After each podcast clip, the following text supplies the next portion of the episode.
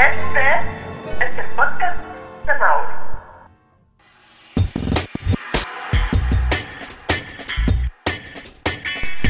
Si en el mundo no existieran mentiras, se acabaría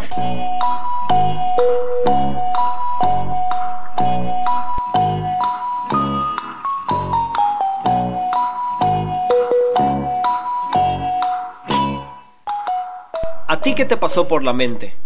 A mí me pasaron El engaño, la desconfianza, los abusos, los gobiernos, los sistemas políticos, los sistemas económicos, los oprimidos sexuales, los oprimidos, las jerarquías, los cultos.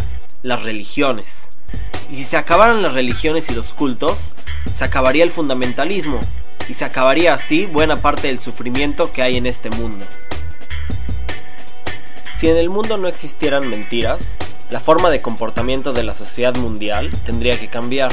Nos tendríamos que acostumbrar a confiar los unos en los otros, ya que si nadie dice mentiras, entonces todos dicen la verdad, y sabemos que podemos confiar en la verdad y o en el que la dice. Y si no existen las religiones y cada quien creyera o no en un Dios no institucionalizado, en donde las personas que creen lo hacen porque tienen fe en un ente divino y no porque una institución religiosa los amenaza con castigos post-mortem. O sea, no manches, si no me porto bien voy a ir a vivir en el infierno por toda la eternidad. No ma.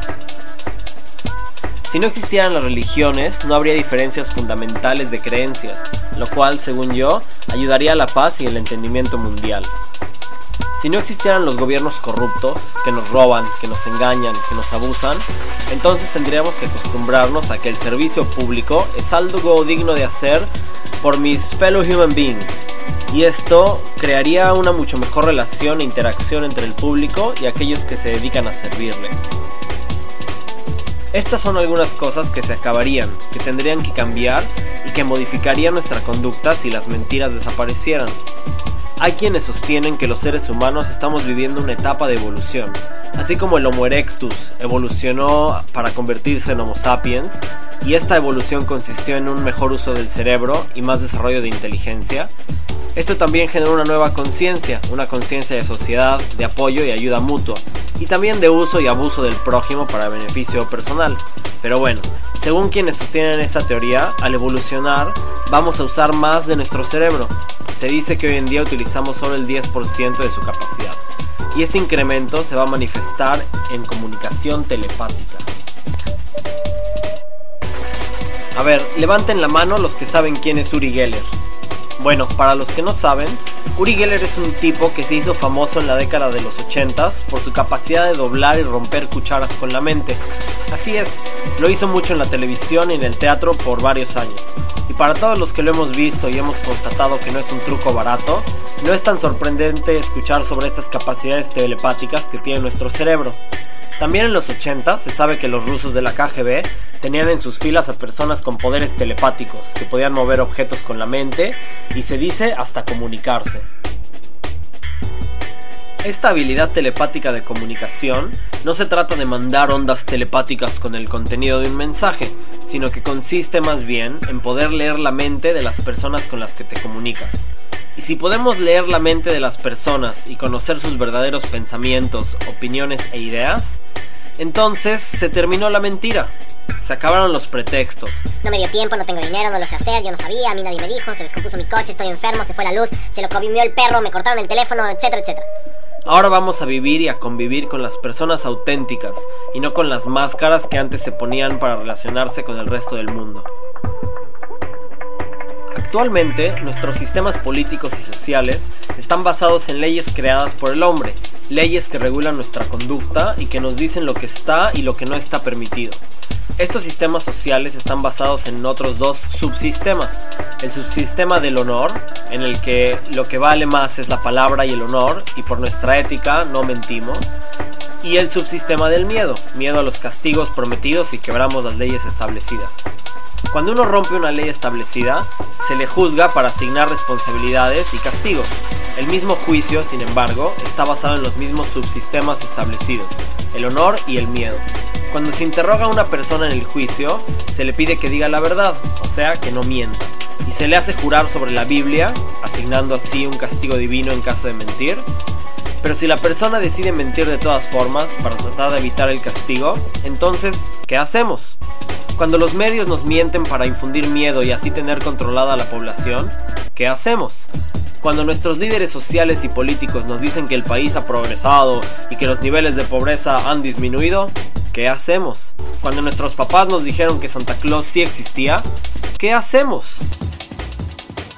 En el primer caso, en el del juicio de ley, yo digo que cuando se interroga a alguien en un juicio, se debería de aplicar inmediatamente y sin prejuicios el polígrafo, la máquina de la verdad. Y así podríamos saber quién está mintiendo y quién está diciendo la verdad, y de esa forma asignar responsabilidades como se debe y no basarnos en sistemas que han probado que pueden fallar. Buenas tardes, señor. Pero que mejores las tenga usted, señor. Su licencia, por favor. Con su licencia yo me retiro. Pero este es solo el caso de cuando un individuo le miente a la sociedad. En los casos que un servidor público o el sistema en sí le miente a sus ciudadanos, lo que podríamos hacer es actuar de forma congruente. Primero, tenemos que empezar por nosotros mismos, tratar de erradicar la mentira de nuestras vidas, porque solo de esa forma, mediante el esfuerzo individual, el verdadero cambio puede ocurrir. Una vez que ya estamos limpios de mentiras, entonces podemos exigir que se nos diga la verdad y que no se nos pretenda engañar o abusarnos por motivos personales de unos cuantos. La resistencia social es parte integral de un movimiento que promueve la verdad. Todas las grandes movilizaciones sociales siempre han luchado por un beneficio para el pueblo, los movimientos que han defendido nuestros derechos de libertad, igualdad y justicia.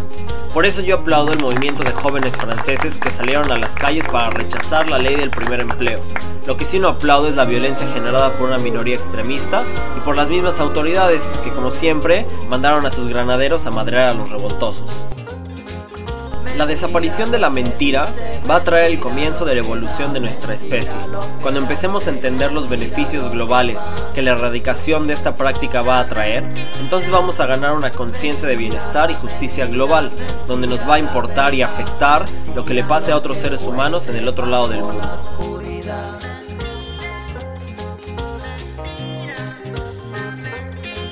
Mentira al amor, mentira al sabor, la que manda, mentira comanda.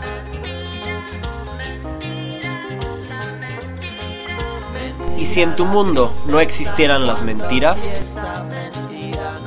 ¿qué pasaría? Muchas, muchas gracias por haber bajado mi podcast y por escucharme. Si quieren conocer un poco más de mis debrayes, entren a www.mauweb.net. Mauweb se escribe M-A-U-W-E-B larga. O me pueden escribir también a mauri.mauweb.net. Espero que les haya gustado. Ahí se ven. Y por cierto, mi nombre es Mauri. Mientras, ahí les dejo esta rolita. Que la disfruten.